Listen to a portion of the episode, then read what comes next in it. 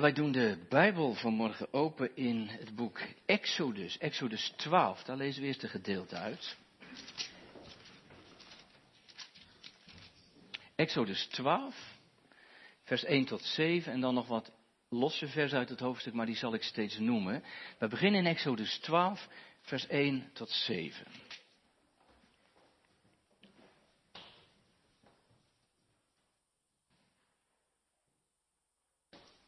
Exodus 12, vers 1 tot 7. En dan lezen wij het woord van God. En de Heere zei tegen Mozes en tegen Aaron in het land Egypte. Deze maand zal voor u het begin van de maanden zijn. Hij zal voor u de eerste zijn van de maanden van het jaar. En spreek tot heel de gemeenschap van Israël op de tiende dag van deze maand. Moet ieder voor zich een lam per familie nemen. Eén lam per gezin. Maar als het gezin te klein is voor één lam, dan moet hij er samen met de buurman die het dichtst bij zijn gezin woont een nemen, overeenkomstig het aantal personen. U moet bij het lam rekening houden met wat ieder eten kan. U moet een lam zonder enig gebrek hebben, een mannetje van een jaar oud. U moet het van de schapen of van de geiten nemen. U moet het in bewaring houden tot de veertiende dag van deze maand en heel de verzamelde gemeenschap van Israël zal het slachten tegen het vallen van de avond. En zij zullen van het bloed nemen en het aan de beide deurposten strijken en aan de bovendorpel, aan de huizen waarin zij het eten zullen. En dan vers 12 en 13. Want ik zal in deze nacht door het land Egypte trekken en allereerst geboren in het land Egypte treffen van de mensen tot het vee. En ik zal aan al de goden van de Egyptenaren strafgerichten voltrekken. Ik, de Heere, en het bloed zal u tot teken zijn aan de huizen waarin u verblijft. Als ik het bloed zie, zal ik u voorbij gaan. En er zal geen plaag onder u zijn die verderf teweeg brengt. Als ik het land Egypte zal treffen. En dan vers 22 en 23. Vers 22. Neem dan een bosje hyssop en doop het in het bloed dat in een schaal is en strijk van het bloed dat in de schaal is op de bovendorpel en op de beide deurposten. Maar wat u betreft, niemand mag de deur van zijn huis uitgaan tot de volgende morgen. Want de Heere zal het land doortrekken om Egypte te treffen, maar als hij het bloed zal zien op de bovendorpel en op de beide deurposten, dan zal de Heere de deur voorbij gaan. En de verderver niet toestaan om uw huizen binnen te komen om u te treffen. Tot zover onze schriftlezing. En de tekst voor de preek vindt u in Hebreeën. Hebreeën 11. Hebreeën 11, vers 28.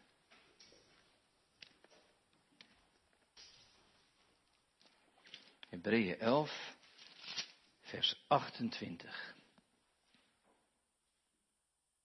En daar lezen wij, door het geloof heeft Mozes het pascha ingesteld en het besprenkelen met het bloed, opdat de verderver van de eerstgeborene hen niet zou treffen.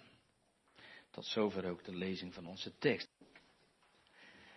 Tekst is dus Hebreeën 11, vers 28. Gemeente, hebt u dat een beetje gevolgd? Eh, vorige week en de week daarvoor denk ik ook nog wel.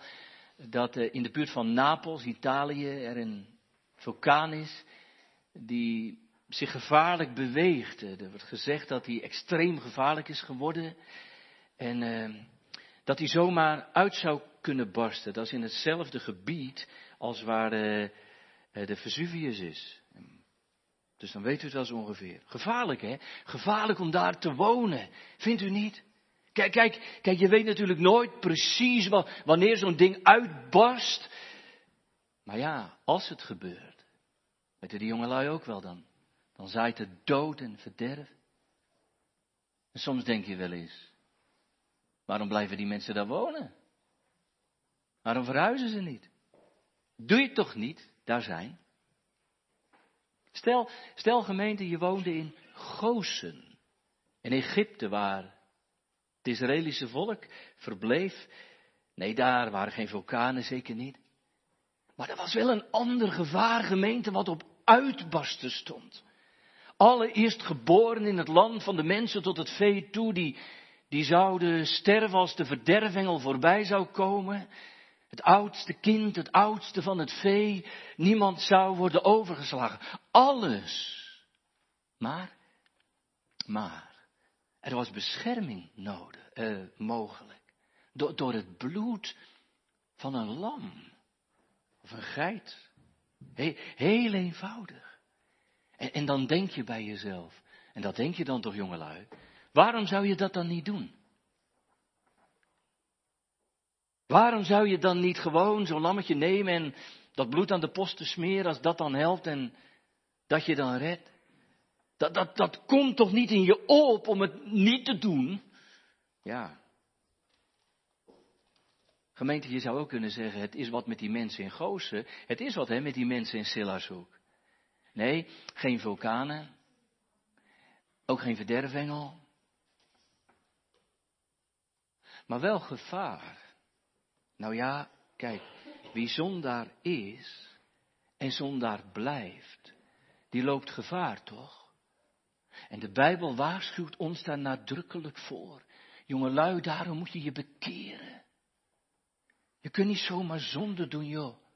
Dat is niet alleen, ik wil iets leuks doen en ik doe het toch maar en dan mag het niet van God. Nou ja, hij zonde is gewoon, dat is een ziekte, dat is een verderf, dat is iets wat tussen jou en God in gaat staan. De Bijbel zegt dat je zondaar bent en zonde doet, maar dat er bescherming mogelijk is in die ene. Dat wel, hè? Door, door het bloed van het lam, door Jezus Christus. En soms denk je wel eens, ook als dominee, waarom? Waarom blijven er dan nog mensen onbeschermd doorleven? Waarom? En waarom blijven er mensen doorzondigen? Al komen ze duizend keer aan het avondmaal, dat doe je toch niet? U, begrijpt wel hè, waar ik vanmorgen heen wil. Kijk, als we, als we heilig avondmaal vieren, zou je kunnen zeggen, wordt dat zichtbaar gemaakt. Wordt zichtbaar gemaakt waar redding is en, en behoud. Toch? Zo is het. Ik, de zondaar, die voor God niet kan bestaan. Al ben ik duizend keer bekeerd. Ben alleen veilig in die schuilplaats van Gods genade. Achter het kruis. Gemeente, daar alleen en alleen daar. En daar ging het dus in Gozen over. Daar had Mozes het over. Die, die tiende plaag kwam eraan, u weet wel. De Heer zou alle eerstgeborene doden van de mensen tot het vee, wat een straf. Je kunt dus zeggen, moest dat nou zo heftig? Maar gemeente, het was wel een straf die iets zei over de getergdheid van God. God is getergd vanwege de vijandschap van de farao van Egypte. Hij is getergd vanwege ongeloof en opstand. Gemeente, en, en dan kun je je wel bergen. Want God verdraagt geen onrechtvaardigheid. En God is rechtvaardig, echt. De zonde kan voor hem niet bestaan. Gemeente, daar kunnen we nooit mee rommelen. De Bijbel zegt klip en klaar, de, de ziel die zondigt, die zal sterven. En daar kan niemand onderuit. U niet. Jullie niet, jongens en meiden. Ik niet. Maar, maar, dan, dan komt er een wonderlijke opdracht. Hè? Of nog sterker, een bevel. Er komt een bevel. Opvallend gemeente is dat in Exodus 12, we lazen dat, hè, van die instelling van dat paasga, dat paaslam en wat er gebeuren moest. Het is echt opvallend in, in, eh, Exodus 12 dat er heel vaak een gebiedende wijs staat. Heel vaak. Jawel, want er is nood aan de man. Er, er moet iets gebeuren. Het, is een kwestie van leven en dood. En daarom zegt Mozes, doe het en slacht het en neem het en smeer het aan de posten van je huis. Gemeente, in zo'n geval, als het over leven en dood gaat, dan, dan gaat het toch niet meer om een adviesje? Of alleen een oproepje? Maar dan beveel je de mensen toch om te gaan. Stel je voor dat dat ding, jongelui, in, in, in, eh, in Italië, dat dat daadwerkelijk gaat uitbarsten, dat het gaat rommelen en roken, dan, dan zeg je toch niet met de mensen, nou, weet je, ja, ik zou niet blijven. Als ik u was, dan ging ik poosje weg. Dat zeg ik toch niet? Jongelui, ik was een, een aantal jaren geleden op een plek in Indonesië. Waar kort daarvoor een, aardbe een, kort daarvoor een, vulkaanuitbarsting was geweest. En dan zie je het even met eigen ogen en je ruikt het zilver en je ziet de rokende puinhopen, je ziet de daken van de huisjes. Alles was vernietigd, van zo aangrijpend. Als zoiets gebeurt, geef je toch geen adviesje. Gemeente, dat is de manier waarop Mozes uh, uit naam van de Heer het volk oproept om, om Paascha te gaan vieren. Hij zegt, dit moeten jullie doen en dit is de manier waarop het gaat en zo word je beschermd. Doe dit en je zult gered worden. Gemeente, dat is met avondmaal niet anders. Nee, nee, begrijp me goed. Tot het avondmaal genodigd worden is nooit vrijblijvend. Het is geen goed advies als gemeente om het te komen vieren. Als de Heer Jezus zegt, doe dit tot mijn gedachtenis, zit daar een klemmende oproep in voor zijn gemeente. Dat is geen overweging. Nee, niet iets waar je nog eens rustig de tijd voor kunt nemen. Om het nog eens te overdenken. Of, of jongelui niet iets om voor je uit te schuiven en denken, nou dat komt wel een keer als je heel oud bent. En dat beleidenis doen, nou ja weet je, kijk, kijk wel. Nee, Nee, gemeente, wie geroepen wordt om achter het kruis van Christus te schuilen, die moet weten dat er nood aan de man is. Blijkbaar. Dat het een zaak is van leven en dood, weet u dat? Weet u dat? Wij komen vanmorgen niet tot het avondmaal om, daar, om daarmee te laten zien dat we in onszelf volkomen en rechtvaardig zijn. zo zegt het formulier het heel puntig. Maar, maar, maar dat ik midden in de dood lig en in het verderf. Als dat er zit, zegt Mozes. Als dat er zit, dat bloed aan de posten van je huis, en, en, als, als, dat er zit, dat bloed van het lam van Christus, dan zal de Heere voorbij gaan. Hè? En dan, dan, zal er niet, dan zal het niet bestaan dat de verderver maar ook in je huis komt. Ja, van Israël krijgt een duidelijke opdracht, dat is, dat is helder. Net zoals in het avondmaal die opdracht klinkt dringend en dwingend, maar wel voor liefde.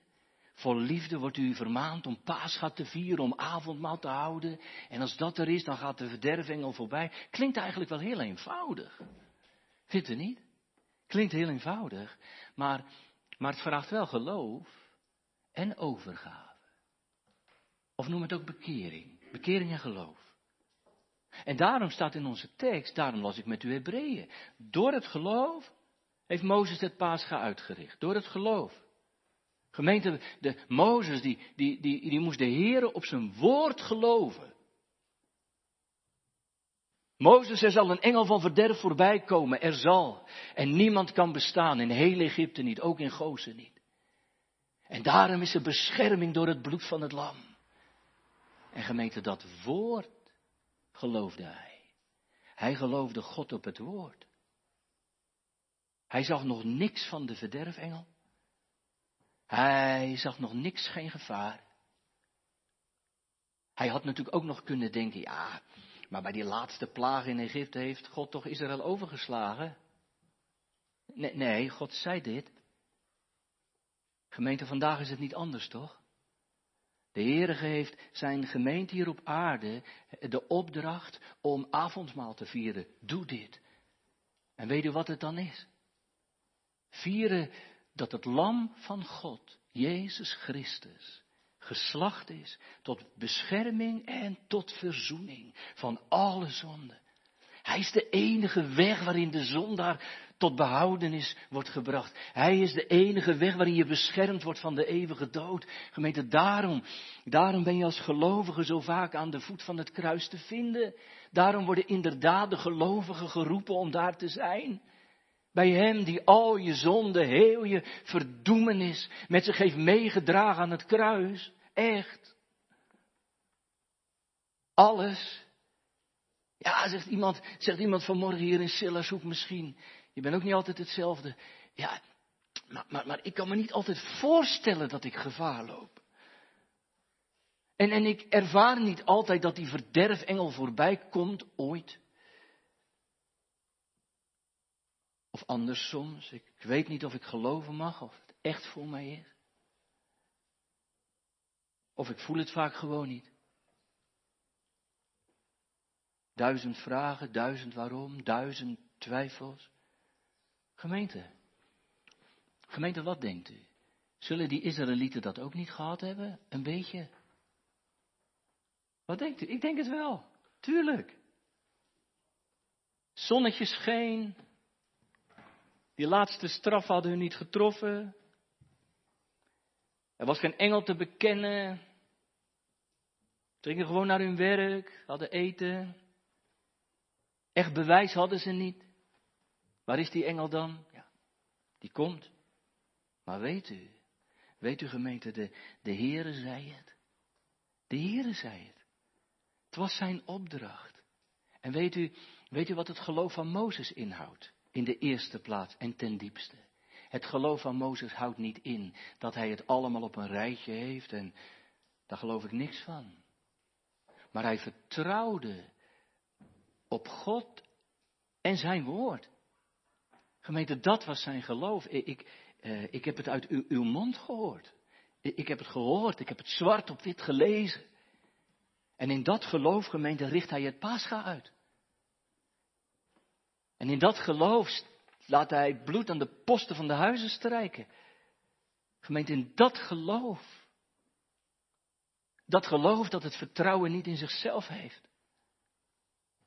Maar op de God van het verbond. Die zijn woord spreekt. In dat geloof dat God vertrouwt op zijn woord en aan de voet van het kruis gaat zitten. Om te schuilen het, achter het bloed. Gemeente, dat is geloof. Al is het nog zo klein en aangevochten en kwetsbaar. Waarom viert u avondmaal? vroeg van de week een leerling aan me. Die niet zo gewend was dat in haar kerk druk avondmaal werd gevierd. Althans niet door veel. Bent u dan zo gelovig? Ik zeg nou weet je. Weet je, mijn God is zo goed en zo trouw. Heeft zijn zoon gegeven.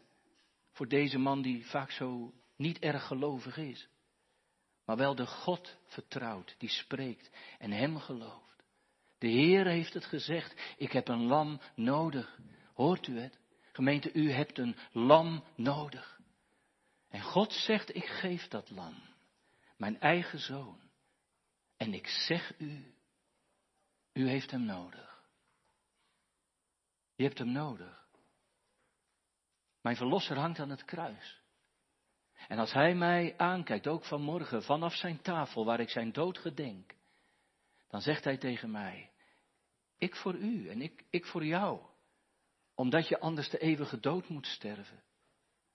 En gemeente, in zijn lijden en in zijn strijd zie ik mijn eigen verlorenheid en mijn eigen zonde.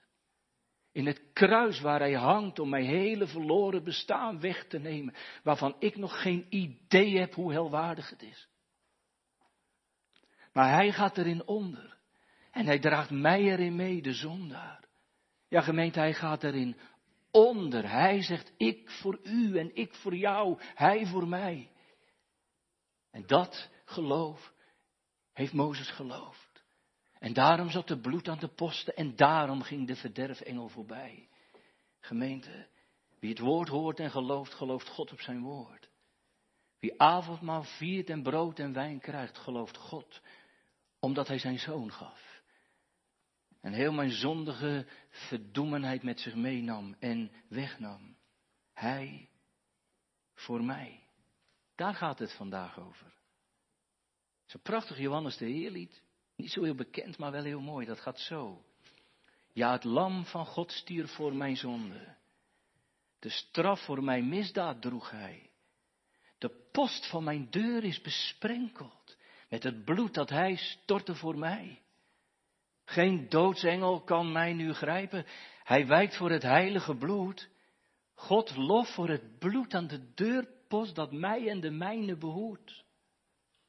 O dierbare verlosser en redder, gij kocht mij ten prijs van uw bloed. En ik weet, me in u nu veilig en geborgen, bij het naderen van stormtij en vloed. En ik weet mij in een zekere schouwplaats, die gij in uw liefde mij bood. Heb dank, heren, voor het bloed aan de deurpost die toevlucht in leven en in dood. Amen.